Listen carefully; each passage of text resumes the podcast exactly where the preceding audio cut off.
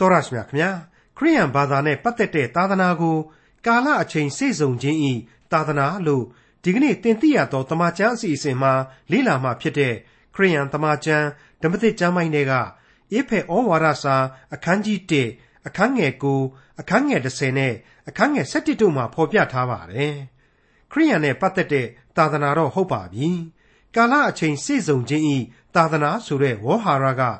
ထာဝရရှင်မြတ်စွာဘုရားသခင်ရဲ့အမှုတော်များကိုကြဲကြဲပြန့်ပြန့်ဆောင်ရွက်တဲ့အချိန်ကာလကိုဆိုလိုပါသလားဘုရားရှင်ရဲ့ကျေးဇူးတော်နဲ့ကရုဏာတော်တို့အကျွမ်းမဲ့ပြည့်စုံတဲ့အချိန်ကာလကိုရည်ရွယ်သလားဆိုတာစဉ်းစားစရာဖြစ်ပါတယ်ကာလအချိန်စိတ်ဆုံခြင်းဤသာသနာဆိုတာဘုရားရှင်ရဲ့သာသနာတော်ပြန်ပွားအောင် အမှုတော်ကိုဆောင်ရွက်ကြရတဲ့ကာလဆိုရင်အဲ့ဒီကာလတွေဟာအချိန်ကာလတိုင်းမှာတပြေးညီစွာ တညီတညွတ်တီအတူတူပဲဖြစ်ကြပါသလားအပြစ်လူသားတွေရဲ့ရုပ်ဒရများနဲ့အခြေပြုတိဆောက်ထားတဲ့ခရိယန်အသင်းတော်အဖွဲ့အစည်းတွေဟာ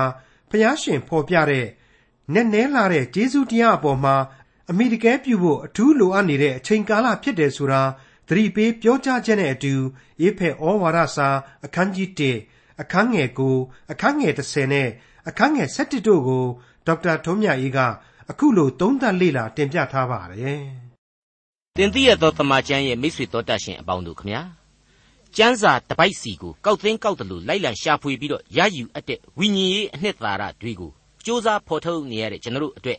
အေဖက်ဩဝါဒစာသင်ခန်းစာများဟာလေ့လာလို့အရှင်ရနေစေရှိနေတယ်လို့ကျွန်တော်ဆိုချင်ပါတယ်။ပြီးခဲ့တဲ့သင်ခန်းစာအထိဆိုရင်တော့အေဖက်ဩဝါဒစာအခန်းကြီး1အငယ်8ကိုကျွန်တော်တို့ပြီးမြောက်ခဲ့ပါပြီ။ ဒါကြောင့်မလို့ဒီကနေ့ဆိုရင်တော့အငယ်6ကစတင်လေ့လာမှာပါဒါပေမဲ့ပုံမိုပြီးတော့စီးစီးလုံးလုံးဖြစ်အောင်လို့အငယ်8ကိုပါတပေါင်းတစည်းဒီဆက်လက်နားဆင်ကြည့်ကြပါလို့မေတ္တာရက်ခံလိုက်ပါတယ်ခတ်သိမ်းသောသတိပညာတော်နှင့်လျော်စွာငါတို့၌အတိုင်းတဲ့အလွန်များလှစွာသောကျေးဇူးတော်သည်ကြွယ်ဝပြည့်စုံသည်နှင့်အညီထိုသားတော်ဤအသွေးအားဖြင့်အပြစ်လွတ်တော်မူခြင်းဒီဟုသောရွေးနှုတ်တော်မူခြင်းကျေးဇူးကိုငါတို့သည်ခံရကြ၏ဖျားသခင်သည် နှလုံးသွင်းတော်မူသောစေတနာနှင့်လျော်သောအလိုတော်ဤနက်နဲသောအရာကိုငါတို့အားပြတော်မူ၏ထိုနက်နဲသောအရာမူကားကာလအချိန်စိတ်ဆုံခြင်းဤသာသနာတွင် ကောင်းကင်ဘောမြေကြီးပေါ်မှရှိရှိသမျှတို့ကိုပေါင်း၍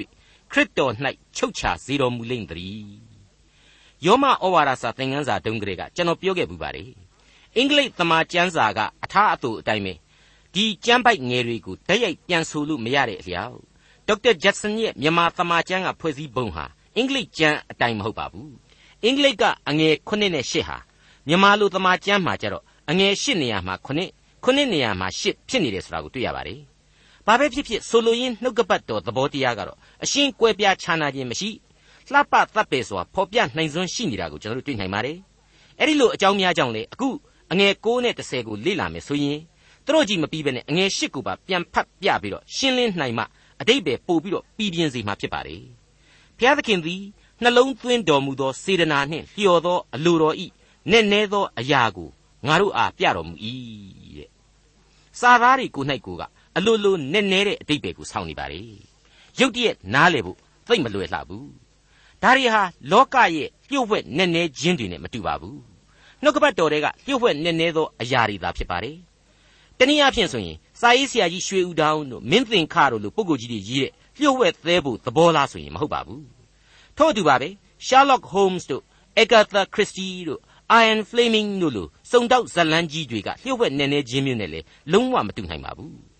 ဖျားသခင်ဟာတဖြည်းဖြည်းချင်းအဖြေကိုဖော်ထုတ်ပြီးတော့ပြသပေးလျက်နေသောလျှို့ဝှက်နေနေသောဝိညာဉ်ရေးအရာများအသိတရားများလို့ဆိုနိုင်ပါ रे အတိတ်မှာလျှို့ဝှက်ထားတယ်အခုပြန်ပြီးတော့ဖွင့်ပြလိုက်တယ်ဆိုတဲ့သဘောပါပဲ အခုကျွန်တော်တို့လေ့လာနေတဲ့ဓမ္မသစ်ကျမ်းမှာဆိုရင်အဲ့ဒီလျှို့ဝှက်နည်းနည်းသောအရာများအများကြီးပါဝင်နေတာကိုတွေ့နိုင်ပါတယ်တိအချို့လျှို့ဝှက်နည်းနည်းသောအရာတို့ကိုဘုရားသခင်သည်မဖော်ပြသေးသောကြောင့်ဘယ်လူသားမျှနားမလည်နိုင်သေးနှစ်သက်ဆိုင်သောအချိန်ကာလအလျောက်ဘုရားသခင်ဖွင့်ဆိုပြလိုက်သဖြင့်လူသားတို့နားလည်ရပြီဖြစ်သောလျှို့ဝှက်နည်းနည်းသောအရာများအဲ့ဒီလိုလျှို့ဝှက်နေနေချင်းနှမျိုးကိုခွဲခြားနိုင်ပါလိမ့်မယ်။ Scofield ရဲ့တမန်ကျမ်းစာအကိုအကာကျမ်းကြီးထဲမှာဆိုရင်ဓမ္မသစ်ကျမ်းတွေထဲမှာလျှို့ဝှက်နေနေတဲ့အရာ၁၁ခုရှိနေတယ်ဆိုတာတွေ့ရပါတယ်။၁ရှင်မသက်ခရစ်ဝင်ကျမ်းအခန်းကြီး73ထဲကကောင်းကင်နိုင်ငံတော်ဤလျှို့ဝှက်ချက်များ။၂ယယောမဩဝါဒစာအခန်းကြီး7အငယ်25ကဖော်ပြတဲ့ဣသရေလလူမျိုးတို့ကိုမှောင်မိုက်ဖုံးလွှမ်းခြင်းအကြောင်း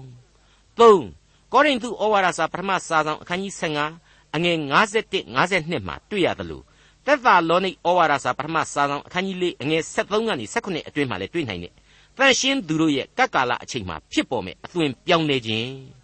၄အေဖက်ဩဝါဒစာအခန်းကြီး3အငယ်1ကနေ7အတွင်းမှာကြားရမယ်ဓမ္မသစ်ကာလဣသရေလတပါးအမျိုးသားတို့ပါဝင်သောအသင်းတော်ငါအေဖက်ဩဝါဒစာအခန်းကြီး9မှာတွေ့ရမယ်ခရစ်တော်ဤသူတို့သမီးကညာဖြစ်သောအသင်းတော်ဤအကြောင်း6ဂလာတိဩဝါဒစာအခန်းကြီး2အငယ်20နဲ့ ကောလောသဲဩဝါဒစာအခန်းကြီး1အငယ်26 29တို့မှာတွေ့ရမယ်သင်တို့အထဲ၌ခရစ်တော်ဤတည်နေခြင်းဆိုတဲ့နည်းနည်းချင်းအကြောင်းခုနှစ်ကောရိန္သုဩဝါဒစာပထမစာဆောင်အခန်းကြီး2အငယ်9ရယ်10ရယ်ကောလောသဲဩဝါဒစာအခန်းကြီး2အငယ်2ရယ်9ရယ်မှာတွေ့ရမယ်ခမည်းတော်ဖျားနဲ့ခရစ်တော်တို့နဲ့သက်ဆိုင်တဲ့နည်းနည်းချင်းများရှေ့တိမောသေဩဝါဒစာပထမစာဆောင်အခန်းကြီး3အငယ်16မှာတွေ့ရတဲ့ဘု ရားသခင်သည်လူရုပ်ခန္ဓာ၌ထင်ရှားစေခြင်းဆိုတဲ့အကြောင်းကိုသက်သာလောနိဩဝါဒစာဒုတိယစာဆောင်အခန်းကြီး2အငယ်9ရေရှင်မသက်ခရစ်ဝင်ကျမ်းအခန်းကြီး73အငယ်33ကဖော်ပြတဲ့အတ္တမအရာတို့ရဲ့အကြောင်း30ဗျာဒိကျမ်းအခန်းကြီး1အငယ်20မှာတွေ့ရတဲ့ကြယ်ကြီး9လုံးရဲ့အကြောင်း7ဗျာဒိကျမ်းမှာပဲအခန်းကြီး18အငယ်9နဲ့9ကဖော်ပြတဲ့ဘာဘူးလုံမြို့ကြီးရဲ့အကြောင်း အဲ့ဒီ17ချက်သောလျှို့ဝှက်နည်းနည်းနေသေးစေအရာများပဲဖြစ်ပါလေဒါကကဘာကျော်ဓမ္မပညာရှင်တို့ကိုယ်တိုင်လက်ခံထားရတဲ့လျှို့ဝှက်နည်းနည်းတဲ့အရာတွေပဲဖြစ်ပါတယ်အဲ့ဒီအချက်တွေကြီးခက်ခဲနည်းနည်းတဲ့ပြဿနာတွေရှိသလားတခြားလျှို့ဝှက်နည်းနည်းတဲ့အရာတွေကိုမရှိတော့ဘူးလားဆိုရင်တော့ရှိတယ်လို့ပဲကျွန်တော်ကတော့ပြောချင်ပါလေဖျားသခင်ကဖွင့်မပြလို့ကျွန်တော်တို့စဉ်းစားလို့မရနိုင်တာတွေဟာအများကြီးပါဒီသင်သိရသောသမာကျမ်းကိုပြုစုခဲ့တဲ့ဆရာကြီးဒေါက်တာဂျေဗန်နန်မက်ဂီယာဆိုရင်ဘလောက်အထိတောင်မှ ပွင့်ပွင့်လင်းလင်းရှိတယ်လေဆိုရင်သူ့ရဲ့ရင်တွင်းခံစားချက်ကိုသူဖော်ပြထားပါတယ်သူ့အနေနဲ့ဘုရားသခင်ကိုမေးကျင်တာစမ်းကျင်တာတွေဟာအများကြီးပဲရှိတယ်မရှင်းလင်းတာတွေဟာအများကြီးပဲဒါပေမဲ့ဘုရားသခင်ဟာသူသတ်မှတ်တဲ့အချိန်မတိုင်မီမှာလူလောကလူသားကိုရှင်းကိုပြမှာမဟုတ်ဘူးသူသိစေခြင်းတဲ့အရာတွေနဲ့ပဲကယ်တင်ရှင်ဂျေဇုတော်ကိုနှိမ့်ချတဲ့စိတ်နဲ့ခံယူလိုက်တာပဲကောင်းပါလေလေဆိုပြီးတော့စိတ်ကိုဖြေရတဲ့အကြောင်းဖော်ပြထားပါတယ်ကျွန်တော်အခုလေ့လာနေတဲ့အေးဖက်ရဲ့အငယ်ကိုးမှာဆိုရင် ကြားခဲ့ရတဲ့အတိုင်းပဲနှလုံးသွင်းတော်မူသောစေတနာအလျောက်အလိုတော်ဤနည်းနည်းသောအရာအဲ့ဒီနည်းနည်းသောအရာဟာရှိနေတယ်ဆိုပဲပထမပိုင်းမှာအဲ့ဒီလိုဖော်ပြတယ်ပြီးတော့မှတပါးတည်းဆက်ပြီးတော့အဲ့ဒီနည်းနည်းသောအရာကိုပြတော်မူသည်တဲ့အဲ့ဒီတော့အရင်ကမဖော်ပြခဲ့တဲ့နည်းနည်းသောအရာလျှို့ဝှက်သောအရာသည်ယခုအခါမှာတော့လျှို့ဝှက်ခြင်းမရှိတော့ဘူးနည်းနည်းပြီးတော့မနေစေတော့ဘူးလူသားကိုသိစေပြီး နားလည်အောင်အဖြေကိုဖွင့်ပြလိုက်ပြီဆိုတဲ့သဘောပေါ်လာပါတယ်အဲ့ဒီလိုအတိတ်ကာလလျှို့ဝှက်ချက်ကိုအခုဖော်ပြတာဖွင့်ဆိုပြတာဟာဘာကြောင့်လဲဆိုတာကိုတော့ပြီးခဲ့ပြီလို့ကျွန်တော်တို့ဆိုခဲ့တဲ့အငယ်ရှစ်ထဲကအချက်ဟာထပ်မံပြီးတော့အတိတ်ပဲဖြည့်ပေးပါတယ်အဲ့ဒါကတော့ခတ်သိမ်းသောသတိပညာတော်နှင့်လျော်စွာတဲ့ဘလောက်ကောင်းလဲပြီးတော့မှတစ်ခါဆက်တယ်ကျေးဇူးတော်ပြည့်ဝခြင်းနှင့်အညီဆိုတာပေါ်လာတယ်ကျွန်တော်လူသားအတွက် ဘုရားသခင်ရဲ့ကျေးဇူးတော်တွေဟာဘလောက်ကြီးမားသလဲဆိုတာကျွန်တော်ဖြင့်ဘယ်လို့မှဖော်ပြလို့တောင်မစွန့်နိုင်ပါဘူးမိษွေတော်တတ်ရှင်အပေါင်းတို့ဒီအေဖက်ဩဝါဒစာရဲ့ဖော်ပြချက်ကိုယ်တိုင်ဟာအဖဘုရားသခင်ကမသိစေခြင်းတဲ့အချက်သိခွင့်ပေးတဲ့အချက်တို့ဟာအစဉ်အမြဲတည်ရှိနေစမြဲဖြစ်တယ်နှုတ်ကပတ်တော်မှာအပြိုင်တည်နေမြဲဖြစ်တယ်ဆိုတာကိုလွယ်လွယ်ကလေးသိလာစေပါ रे ဒါကြောင့်လဲနှုတ်ကပတ်တော်မှာကျွန်တော်တို့နားမလည်နိုင်တာရှိကောင်းရှိနိုင်တယ် အတိတ်ပဲမရှိဘူးဆိုတာကတော့တခုမှမရှိဘူးဆိုတာကိုကျွန်တော်အထက်ထက်တင်ပြခဲ့ခြင်းပါပဲထိုနည်းနည်းသောအရာဟုမူကားကာလအချိန်စေစုံခြင်းဤသာသနာတွင်ကောင်းကင်ပေါ်မြေကြီးပေါ်မှရှိရှိသမျှတို့ကိုပေါင်း၍ခရစ်တော်၌ချုပ်ချစေလိမ့်တည်းအဲ့ဒီလိုအငယ်30ဟာဆက်လက်ဖော်ပြလိုက်ပါတယ်သာသနာတွင်တဲ့အဲ့ဒီဝေါ်ဟာရကိုယ်တိုင်ဟာလျှို့ဝှက်နည်းနည်းသွားပြန်ပြီလို့မဆိုနိုင်ဘူးလားတကယ်တော့ဒီဝေါ်ဟာရဟာ ဘုရားသခင်၏အမှုတော်များကျယ်ပြန့်စွာထမ်းဆောင်ခြင်းကာလကိုဆိုလိုသလားကျေးဇူးနဲ့ဂရုဏာတော်တို့အကျွင့်မဲ့ပြည့်စုံသောအချိန်ကာလကိုရည်ရွယ်သလားဆိုတာစဉ်းစားစရာဖြစ်လာပါတယ်အထူးသဖြင့်ဒီလိုသာသနာဆိုပြီးတော့ဆရာကြီးယူရတန်ကဆွဲယူပြန်ဆိုလိုက်တဲ့အင်္ဂလိပ်စကားကိုယ်တိုင်ဟာအတိတ်ပဲဒီအမျိုးမျိုးဆွဲယူလို့ရတဲ့ dispensation ခေါ်တဲ့အင်္ဂလိပ်ဝေါ်ဟာရဖြစ်နေတဲ့အကြောင်းကိုကျွန်တော်ဒီနေရာမှာထည့်သွင်းတင်ပြခြင်းပါတယ် dispensary ဆိုတာဟာဆေးဖြန့်ဖြူးတဲ့ဆေးပေးကမ်းကိုဆိုလိုပါတယ် dispensation ဆိုတာကတော့လိုက်လံဖြန့်ဖြူးတာအလုပ်တွေဖြစ်မြောက်အောင်လုပ်တာစီကံတကြရှိတာဗန္တာဒိန်ကောင်းဖြစ်တာအုပ်ချုပ်တာစတဲ့အတိတ်တွေအမျိုးမျိုးရှိနေတာကိုတွေ့နိုင်ပါ रे အဲ့ဒီကြားထဲမှာမှတခါ Greek တို့အဖို့ dispensation ဆိုတာဟာ economy သို့မဟုတ်စီးပွားရေးဖြစ်တယ်ဆိုတဲ့အတိတ်ကိုဆောင်းလိုက်ပြန်တော့အတော်ကြီးကိုအစင်းစားရကြက်စရာတွေဖြစ်ကုန်လာပါ रे အဲ့ဒီလောက်ထိနည်းနည်းခက်ခဲချင်းရှိနေတဲ့ဝေါ်ဟာရကိုနှုတ်ကပတ်တော်ဟာသုံးတယ်ဒါကိုရှုပ်အောင်အမျိုးမျိုးတွေးလို့ရပါတယ် စဉ်းစားခြင်းတလို့အမျိုးမျိုးလဲစဉ်းစားနိုင်ပါတယ်ဒါပေမဲ့အကောင်းဆုံးကတော့ဆရာကြီးရတန်ပြန်ဆိုလိုက်တဲ့အတိုင်းပဲကာလအချိန်စေ့စုံခြင်းဤသာသနာဆိုတာကိုပဲကျွန်တော်ကတော့ပြတ်သားစွာခံယူခြင်းပါတယ်ဘုရားသခင်ဤအမှုတော်ဆောင်ရွက်ခြင်းကာလလိုပဲကျွန်တော်ယတိပြတ်သတ်မှတ်ခွင့်ပြုပါကောင်းပါပြီအဲ့ဒီလိုဘုရားသခင်ဤအမှုတော်ဆောင်ရွက်ခြင်းကာလတွေဟာပုံစံကွက်ကြီးတဲကအတိုင်းအမြဲတမ်းတပြေးညီဖြစ်သလားဆိုတာစဉ်းစားကြည့်ပါတပြေးညီဘယ်တော့မှမဖြစ်ဘူးအဲ့ဒါဟာသမိုင်း အာရန်အေဝရဲ့အေရင်ဥယျင်ခေတ်အချိန်မှာဘုရားသခင်ဟာအမှုတော်ကိုတမျိုးဆောင်တယ်တရားသူကြီးခေတ်မှာတမျိုးဆောင်တယ်ကနဦးအသင်းတော်တို့တိဆောက်ချိန်မှာကျတော့တမျိုးဖြစ်တယ်အလဲခေတ်သာသနာရေးအရေးတော်ပုံကြီးတွေဖြစ်တဲ့အချိန်မှာတမျိုးဖြစ်လိမ့်မယ်အခုကျွန်တော်တို့အချိန်ကာလမှာလေတမျိုးဖြစ်သွားပြီအဲ့ဒီလိုအမှုဆောင်ခြင်းကာလဆိုတဲ့နံပုတ်ကိုမှဝိသေသလက္ခဏာနဲ့ထပ်မံကွတ်လိုက်ပြန်တာကတော့ကာလအချိန်ဤစေစုံခြင်းရှိရမည်ဆိုတဲ့အချိန်ပါပဲပြည့်စုံခြင်းဆိုတဲ့ Greek ဝေါ်ဟာရဟာ pleroma ဖြစ်ပါတယ်အဲ့ဒီပြည့်စုံခြင်း pleroma ကတော့တခြားပြည့်စုံခြင်းမဟုတ်ခရစ်တော်ယေရှု၏အုပ်စိုးမှုအားဖြင့်ပြီးပြည့်စုံခြင်းသာဖြစ်ပါတယ်ဟုတ်ပါတယ်ရှင်းနေပါတယ်ထိုအချိန်တွင် ကောင်းကင်ပေါ်မြေကြီးပေါ်မှရှိရှိသမျှတို့ကိုပေါင်း၍ခရစ်တော်၌ချုပ်ချစေတော်မူလိမ့်တည်းတဲ့အတိတ်ပြစ္ဆုတ်ပံအနာဂတ်ဒီဟုသောဘုရားသခင်၏အချိန်ကာလအပေါင်းတို့သည်ခရစ်တော်၏အုပ်ချုပ်စိုးမိုးသောကောင်းကင်နိုင်ငံတော်တည်ထောင်ခြင်းမှာမလွဲမသွေပြည့်စုံသွားရမှာဖြစ်တဲ့အကြောင်း အေဖက်ဩဝါဒစာဟာအတိတ်ကာလဤနည်းနည်းသောအရာကိုယခုဖွင့်ပြလိုက်ပါတယ်ဓမ္မဟောင်းကာလလူသားတို့ဝိုးတော်ဝါဖြစ်ခဲ့ရတဲ့အဖြစ်အခုအေဖက်ဩဝါဒစာကိုမဖတ်ရခင်အထိသို့လောသို့လောတွေးပြီးတော့နားလည်ရန်ခက်ခဲတဲ့နည်းနည်းသောပြဿနာတို့ဟာအခုကျမ်းကိုဖတ်ပြီးဒီမှအစပြေဝစုံလင်သွားပြီဆိုတဲ့အတိတ်ပဲပါပဲဒီအကြောင်းနဲ့ပတ်သက်ပြီးတော့ဟေပြဲဩဝါဒစာအခန်းကြီး2အငယ်8မှာအခုလိုကျွန်တော်တို့တွေ့မြင်နိုင်ပါတယ် ခတ်သိမ်းသောအရာတို့ကိုသူ၏ခြေအောက်၌ချထားတော်မူပြီးဟုသက်သေခံသည်ခတ်သိမ်းသောအရာတို့ကိုချထားတော်မူ၏ဟုဆိုသောမချမထားဘဲကြံရစ်သေးသောအရာတစ်စုံတစ်ခုမျှမရှိယခုမူကားခတ်သိမ်းသောအရာတို့သည်ချထားလျက်ရှိသည်ကိုငါတို့မမြင်ရကြသေးတဲ့ဖျားသခင်ကျေးဇူးတော်ကိုချီးမွမ်းရင်းနဲ့ကျွန်တော်သက်ပြင်းချလိုက်မိပါတယ်စိတ်ထဲမှာရှင်းလင်းသွားတဲ့ခံစားချက်ကြောင့်ပါမိษွေအပေါင်းတို့ကျွန်တော်ဟာအဲ့ဒီခတ်သိမ်းသောအရာတို့တညီတညွတ်တီခရစ်တော်ဤခြေအောက်မှာချထားခြင်းကို မရောက်နိုင်ကြသေးပါဘူးဒါကြောင့်လဲဟေဘရဲဆရာကဆိုလိုက်တယ်ငါတို့မမြင်ကြရသေးဘူးတဲ့မရှင်းဘူးလားတနည်းအားဖြင့်ကျွန်တော်ဟာတေရွာတပုတ်ဆန်းရှိသေးပဲတယောက်တစ်ပေါက်ဖြစ်နေသေးပဲရှိတယ်ဆိုတာကိုနားလည်ကြရပါလိမ့်မယ်ကျွန်တော်ဆာလံတီချင်းတို့ရဲ့နောက်ဆုံးဟာလေလုယသင်ခန်းစာတီမှာပြောခဲ့တဲ့အတိုင်းပဲပေါ့ကျွန်တော်ရဲ့လူအဖွဲ့အစည်းဟာဟာလေလုယတေးသံကိုဘလောက်ပဲဆိုးနေနေဘုရားသခင်ရဲ့ရှေ့တော်မှာကြိုးရော့နေတာတွေအသံကြောင်နေတာတွေစသည်စသဖြင့် အကွက်ပေါင်းများစွာမှာဟာ၍နေစေပဲလစ်လက်လျက်ရှိနေစေပဲဖြစ်တယ်ဆိုတာကိုကျွန်တော်ဖော်ပြခဲ့ပြီးပါပြီကိစ္စမရှိပါဘူးအလိုတော်နဲ့အညီပို့ဆောင်မဲ့အသက်လန်းအတိုင်းမယိမ့်မယိုင်လျှောက်သွားကြပါ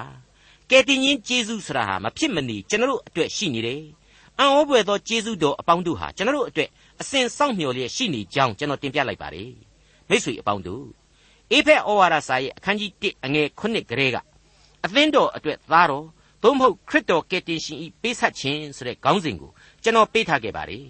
ဒီသားတော်ခရစ်တော်ရဲ့ပေးဆက်တော်မူခြင်းအကြောင်းပေးဆက်တော်မူခြင်းအကြောင်းဟာပြီးပြတ်ခြင်းမရှိသေးပဲဆက်လက်လေ့လာဖို့ကြံနေပါသေးတယ်ဒီအကြောင်းကိုတော့အခုအငယ်7နဲ့7ဟာဆက်လက်ဖော်ပြသွားပါလိမ့်မယ်မိမိစေတနာ၏အလိုတော်သို့လိုက်၍အလုံးစုံတို့ကိုစီရင်ပြုပြင်တတ်သောသူ၏ကြံစီခြင်းရှိသည့်အတိုင်းရှေးမဆွကခွဲကမှတ်သားတော်မူသည်နှင့်အညီ ငါတို့သည်ခရစ်တော်အားဖြင့်အမွေခံဖြစ်ကြ၏အလွန်ဝမ်းမြောက်စွာနားဆင်လိုက်ရတဲ့ပရမတ္တသစ္စာတရားလို့ကျွန်တော်ဆိုချင်ပါတယ်မဖောက်ပြန်ပဲအမြဲမှန်ကန်တဲ့ absolute truth သစ္စာတရားပေါ့ကာလအစဉ်တည်သောချစ်ချင်းမေတ္တာတော်လို့ကျွန်တော်ရဲရဲကြီးအာမခံဝင်ပါတယ်ခရစ်တော်၌တည်နေကြသည်ဖြစ်၍ခရစ်တော်ဒီဟုသောသားတော်နှင့်အတူသာဝရအသက်ရှင်ခြင်းကျေးဇူးတော်ကိုခံယူကြရမယ်တဲ့အဲ့ဒီလိုခံယူရမယ့်အကြောင်းကိုလေ ကျွန်တော်ရှေလျားစွာလေ့လာခဲ့ရသောအတိတ်သင်သိရသောသမာကျမ်းသင်ခန်းစာအပေါင်းတို့ဟာရှင်းလင်းပြတ်သားစွာဖော်ပြခဲ့ပြီးပါပြီရှေးမဆွကပင်ခွဲကန့်မှတ်သားထားခြင်းဖြစ်တယ်တဲ့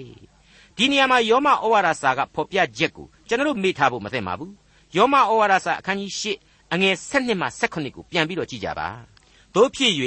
ညီအကိုတို့ငါတို့သည်ဇာတိပဂရိအတိုင်းကျင့်ရမည်အကြောင်းဇာတိပဂရိ၏ကျွန်ဖြစ်ကြသည်မဟုတ် သင်တို့သည်ဇာတိပဂရိအတိုင်းအသက်ရှင်လျင်သေရကြမည်ဝိညာဉ်တော်အဖျင်ကိုယ်ကာယ၏အကျင့်တို့ကိုသေစေလျင်အသက်ရှင်ကြလိမ့်မည်ဘုရားသခင်၏ဝိညာဉ်တော်ဆုံးမပဲ့ပြင်တော်မူသမျှသောသူတို့သည်ဘုရားသခင်၏သားဖြစ်ကြ၏အကြောင်းမူကားသင်တို့သည်တဖန်ကြောက်ရွံ့တတ်သောကျွန်၏သဘောကိုရကြသည်မဟုတ်အဘအဖဟုခေါ်ရသောအခွင့်နှင့်သားဖြစ်ခြင်း၏သဘောကိုရကြပြီငါတို့သည်ဘုရားသခင်၏သားဖြစ်ကြသည်ဟုဝိညာဉ်တော်သည်ငါတို့၏ဝိညာဉ်နှင့်အတူသက်သေခံတော်မူ၏ သားမှန်လျင်အမွေခံဘုရားသခင်၏အမွေခံဖြစ်ကြ၏ခရစ်တော်နှင့်အတူဘုံဝင်စားမည်အကြောင်းထိုသခင်နှင့်အတူဆင်းရဲဒုက္ခကိုခံလျင်ထိုသခင်နှင့်ဆက်ဆံသောအမွေခံလည်းဖြစ်ကြ၏အဲ့ဒီသဘောတရားအတိုင်းပါပဲကောရိန္သုဩဝါဒစာပထမစာဆောင်အခန်းကြီး3အငယ်21ကနေဏိဂုံးအတွင်းမှာလေတမန်တော်ကြီးရှင်ပေါလုကနေအခုလိုဖော်ပြခဲ့ပါသေးတယ်ထို့သောဖြစ်လျင်အဘယ်သူမျှလူတို့၌ဝါကြွားခြင်းမရှိစေနှင့်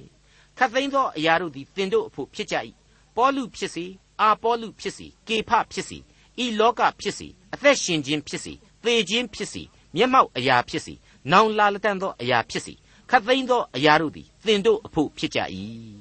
သင်တို့သည်လည်းခရစ်တော်အဖို့ဖြစ်ကြ၏ခရစ်တော်သည်လည်းဘုရားသခင်အဖို့ဖြစ်တော်မူ၏တဲ့မိတ်ဆွေတော်တတ်ရှင်အပေါင်းတို့အသက်ရှင်တော်မူသောဘုရားသခင်ဟာသူ့ရဲ့ဝိညာဉ်တော်မှုတ်သွင်းပြီးတော့ကမ္ဘာလောကကြီးအတွင်းကိုတွားကြ ပွားများကြစားတော့နေထိုင်ကြစတဲ့အမိန့်တော်အမျိုးမျိုးနဲ့ကျွန်တော်လူသားကိုဖန်ဆင်းစေလွှတ်ထားခဲ့ပါတယ်အဲ့ဒီဖန်ဆင်းခြင်း၌ပင်လျင်မေတ္တာတော်ဟာမပါဝင်ပဲဘယ်နည်းနဲ့မှမနေဘူးမေတ္တာများစွာဖြင့်တိဆောက်ပေးခဲ့သောလူဘဝသားလျင်ဖြစ်ပါတယ်လူသမိုင်းနဲ့လူအဖွဲ့အစည်းဟာဘုရားသခင်ရဲ့မေတ္တာတော်အပေါ်မှာသာလျှင်ရှင်သန်ခဲ့ရခြင်းပါအဲ့ဒီဖန်ဆင်းခြင်းမှာသူ့အလိုတော်နဲ့အညီဖန်ဆင်းခြင်းဖြစ်တယ်လို့ဒီလူသားရဲ့သမိုင်းဝင်အပြစ်တရားအောက်သို့ရောက်ရှိခြင်းအချိန်ကာလမှာလေးပဲ သူ့ရဲ့အမျိုးမျိုးသောအလိုတော်နဲ့အညီဘုရားသခင်ကိုတော်တိုင်ပါဝင်ဆောင်ရွက်ခြင်းဤအမျိုးမျိုးကိုကျွန်တော်သင်ခန်းစာအဆက်ဆက်မှာတွေ့ကြရပြီဖြစ်ပါတယ်ခက်ခဲခြင်းတွေရှိပါတယ်နည်းနည်းခြင်းတွေလည်းပြောလို့မကုန်နိုင်ပါဘူးကျွန်တော်ဒါတွေကိုညင်းလို့မရနိုင်ပါဘူးဝန်ကိုဝန်ခံကြရမှာဧကအမှန်ပါပဲအခုအချိန်မှာတော့ကယ်တင်ရှင်သခင်ခရစ်တော်အားဖြင့်ကယ်တင်ခြင်းကျေးဇူးတော်ကိုသူပြုစုပေးသနာလိုက်ပြန်ပြီမယုံနိုင်စရာအမှန်ပဲဆိုတဲ့စကားမြမစကားဝိုင်းထဲမှာရှိပါတယ် သိပြီးတော့သင့်လျော်တယ်ထင်တဲ့အတွက်ကြောင့်ကျွန်တော်ဒီနေရာမှာအဲ့ဒီဝေါ်ဟာရကိုသုံးဆွဲခွင့်ပြုပါဟုတ်ပါတယ်ကျေးဇူးဂရုဏာတော်နဲ့အညီကယ်တင်တော်မူခြင်းရဲ့သဘောတရားဟာမယုံနိုင်စရာအမှန်ပဲလို့ကျွန်တော်ပြောပြရစီမိတ်ဆွေအပေါင်းတို့သားတော်ခရစ်တော်အားဖြင့်ပေးသနာတော်ကောင်းကြီးမင်္ဂလာအပေါင်းတို့ဟာအခုလေ့လာနေစေအေဖက်ဩဝါဒစာအားဖြင့်ရှင်းရှင်းကြီးပေါ်လွင်နေပါပြီရှင်းလင်းပြီးသားအရာများကိုပို့ပြီးတော့လင်းလင်းလက်လက်ခံယူစေခြင်းလို့ခံယူအပ်တဲ့အချက်၃ခုကိုမိမောင်းထိုးဖော်ပြလိုပါတယ် တိခရစ်တော်၏အသွေးတော်အားဖြင့်ကယ်တင်ခြင်းကယ်နှုတ်ခြင်းဆိုတာဟာထင်ရှားပေါ်လွင်လာခဲ့ရတယ်နှစ်ခရစ်တော်အားဖြင့်သူ၏လျှို့ဝှက်နေနေသောမေတ္တာသဘောကိုဖော်ပြလိုက်ပြီဖြစ်တယ်သုံးခရစ်တော်အားဖြင့်သူ့ရဲ့ကောင်းကင်နိုင်ငံတော်အမွေကိုစက္ကန့်ပိုင်ခွင့်ကိုကျွန်တော်လူသားများအားချပေးလိုက်ပြီဖြစ်တယ်ဒီကနေ့ယုံကြည်သူတို့ရဲ့အသင်းတော်များအားလုံးကိုအေဖက်ဩဝါဒစာမှတဆင့်အနန္တတကုရှင်ဘုရားသခင်ဟာအဲ့ဒီကျေးဇူးတော်များနဲ့ဆက်လက်ရစ်ပတ်ပေးလျက်ရှိနေတယ်လို့ကျွန်တော်တင်ပြခြင်းပါတယ် အပြစ်လူသားတွေရဲ့ရုပ်ဒရက်များနဲ့အခြေပြုတိဆောက်ထားတဲ့အသင်းတော်တွေဟာဘုရားသခင်ဖော်ပြတဲ့နည်းနည်းသောကျေးဇူးတရားအပေါ်မှာပို့ပြီးတော့အမိတကယ်ပြုဖို့အထူးလိုအပ်နေပြီဆိုတာကိုလေကျွန်တော်အလေးအနက်သတိပေးလိုပါတယ်မိษွေတော်တတ်ရှင်အပေါင်းတို့လူသားဟာလူသားပြီးပြီးလူချင်းလူကြံတွေကိုကြံကြတယ်ကောင်းနိုးရာရာတွေကိုခေါင်းမာမာနဲ့လုတ်ကင်ဆောင်ရွက်ကြပါတယ်အဲ့ဒါဟာသဘာဝတရားပါအရေးကြီးတာကတော့ဘုရားသခင်အပေါ်မှာယုံကြည်ခြင်းပြက်ကွက်လို့မရဘူး ဘုရားသခင်အပေါ်မှာတန်တရားထားလို့မရဘူးဘုရားသခင်ကိုတော်လှန်ဖို့ဆိုတာကတော့ဝေလာဝေဒီအချက်တွေကိုကျွန်တော်တို့အထူးပဲရှောင်ကျဉ်ကြရလိမ့်မယ်ဘာဖြစ်လို့လဲဆိုတော့ဘုရားသခင်ရဲ့ဝိညာဉ်ရေးသဘောတရားအမြင်တွေနဲ့ရှင်းလိုက်တော့ယာစုနှစ်တည်းရဲ့အလွန်မှာလူအဆက်ဆက်တို့ကသာပျက်စီးသွားရတယ်ဘုရားသခင်ရဲ့အလိုတော်နဲ့အကြံအစီတော်တို့ကတော့ဘယ်တော့မှပြက်ပြားသည်မရှိတီလျက်သာရှိနေ၏ဆိုတာကိုကျွန်တော်အမခန်းလိလိတွေ့မြင်ကြရလို့ပါပဲအဲ့ဒီလိုအလိုတော်ဤတီရှိခြင်းသည်ပင်လျှင် သူဖန်ဆင်းရာဤလူရွာအတွက်သာဝရကျေးဇူးတော်ဖြစ်နေတယ်ဆိုတာကိုလေကျွန်တော်ခိုင်မာစွာတင်ပြခြင်းပါတယ်ဟုတ်ပါတယ်အခုပြီးခဲ့တဲ့အေဖက်ဩဝါဒစာသင်ခန်းစာတိုင်းလို့လို့မှာကျွန်တော်ဟာအခန်းကြီး1အငယ်၄ကိုအမြဲတမ်းပဲအကြော့ကြော့ပြန်ဆိုပြီးတော့မိษွေတို့အတွက်ဝိညာဉ်ခွန်အားရရှိစေဖို့ရန်ကျွန်တော်ရဲ့သင်ခန်းစာဏိဂုံးတိုင်းမှာဏိဂုံးချုပ်အဆုံးသတ်ပေးလိရှိခဲ့ပါတယ်အဲ့ဒီအချက်ကတော့အခုလဲတစ်ခါပြန်ပြီးတော့ကျွန်တော်တကြောပြန်ဖတ်ပြပါရစေဤကဘာမတီမရှိမီ ငါတို့ကိုခရစ်တော်၌ရွေးကောက်တော်မူသည်နှင့်အညီကကောင်းကင်ဘုံနှင့်ဆိုင်သောအရာတို့၌ခတ်သိမ်းသောဓမ္မမင်္ဂလာတို့ကိုခရစ်တော်အားဖြင့်ငါတို့အားပေးသနာတော်မူသောငါတို့သခင်ယေရှုခရစ်ခမည်းတော်ဖျားသခင်သည်မင်္ဂလာရှိစေတော်မူသည်တဲ့အလွန်ကောင်းတဲ့ချီးမွမ်းထောမနာပြုသံပဲဖြစ်ပါတယ်မိษွေရဲ့ယင်ထဲမှာဒီချီးမွမ်းထောမနာပြုခြင်းကိုအစဉ်တစိုက်ပဲ့တင်ထက်မြပြန်လဲပြုနိုင်ပါစေမိษွေရဲ့မိသားစုဟာဒီချီးမွမ်းထောမနာပြုခြင်းကို မိသားစုအလိုက်အစဉ်တစိုက်ပြုနိုင်ပါစေလို့ကျွန်တော်ဆုတောင်းပေးနေပါတယ်ကျွန်တော်ယုံကြည်သူတိုင်းဟာဒီကျေးဇူးတော်ရဲ့အလဲဗဟုမှသာတည်ရှိရှင်သန်နေကြရပါလိမ့်မယ်သူ့ရဲ့အလိုတော်ဒီသာလျှင်အကောင်းဆုံးသောကယ်တင်ခြင်းနဲ့ရှင်တွဲနေတဲ့အတွက်ကြောင့်သူ့ရဲ့အလိုတော်ကိုသာလေကျွန်တော်ဟာအစဉ်တစိုက်ဝန်ခံရှင်သန်သွားကြရလိမ့်မယ်အဲ့ဒီလိုသာအသက်ရှင်နေထိုင်နိုင်မယ်ဆိုရင်ဒီကနေ့နေရင်ထိုင်ရင်မျက်နှာအိုးနေရတဲ့အသင်းတော်အဖွဲ့အစည်းကမ္ဘာလူအဖွဲ့အစည်းကြီးဟာ အလိုလိုချိုးသားသောမျက်နှာပြင်များနဲ့ပြောင်းလဲအသက်ရှင်သွားရမှာအကန့်အမှန်ပါပဲဟုတ်ပါတယ်သူဤရှေးမစွာကခွဲကန့်မှတ်သားခြင်းအဖြစ်သာလျှင်ကျွန်တော်အပြစ်လူပေါင်းသားများဟာခရစ်တော်အဖြစ်တန်ရှင်းခြင်းအခွင့်ကိုရတယ်အပြစ်နွန်တွဲမှလွတ်ကင်းပြီးတော့ထာဝရအသက်ရှင်ခြင်းကျေးဇူးတော်ကိုခံစားရတယ်ကောင်းကင်နိုင်ငံတော်အမွေကိုခံယူရရှိတယ်အဘအဖဟုဘုရားသခင်ကိုခေါ်ဝေါ်ရသောအခွင့်ကိုရတယ်ယုံကြည်ခြင်းဆိုတဲ့ယင်တွင်အသည့်တရားတို့ဖြစ်ပွားလာရတယ် ထာဝရအသက်ဒီဟုသော ကောင်းကင်နိုင်ငံတော်အမွေကိုဆက်ခံနိုင်ခြင်းအခွင့်ရရှိခံစားရခြင်းဖြစ်ပါတယ်ဒီကျေးဇူးတော်မှာတပါကျွန်တော်ရဲ့အသက်တာမှာအခြားအားကိုးစရာဆိုလို့ဘာဆိုဘာမှမရှိကြောင်းပါခင်ဗျာဒေါက်တာထွန်းမြတ်ရေးစီစဉ်တင်ဆက်တဲ့တင်ပြတော်တမချန်းအစီအစဉ်ဖြစ်ပါတယ်နောက်တစ်ချိန်အစီအစဉ်မှာခရိယန်တမချန်းဓမ္မသစ်ကျမ်းပိုင်းတွေကအေဖက်ဩဝါဒစာအခန်းကြီး1အခန်းငယ်7ကနေ အခန်းငယ်14အထိကိုလေ့လာမှာဖြစ်တဲ့အတွက်စောင့်မျှော်နားဆင်နိုင်ပါတယ်။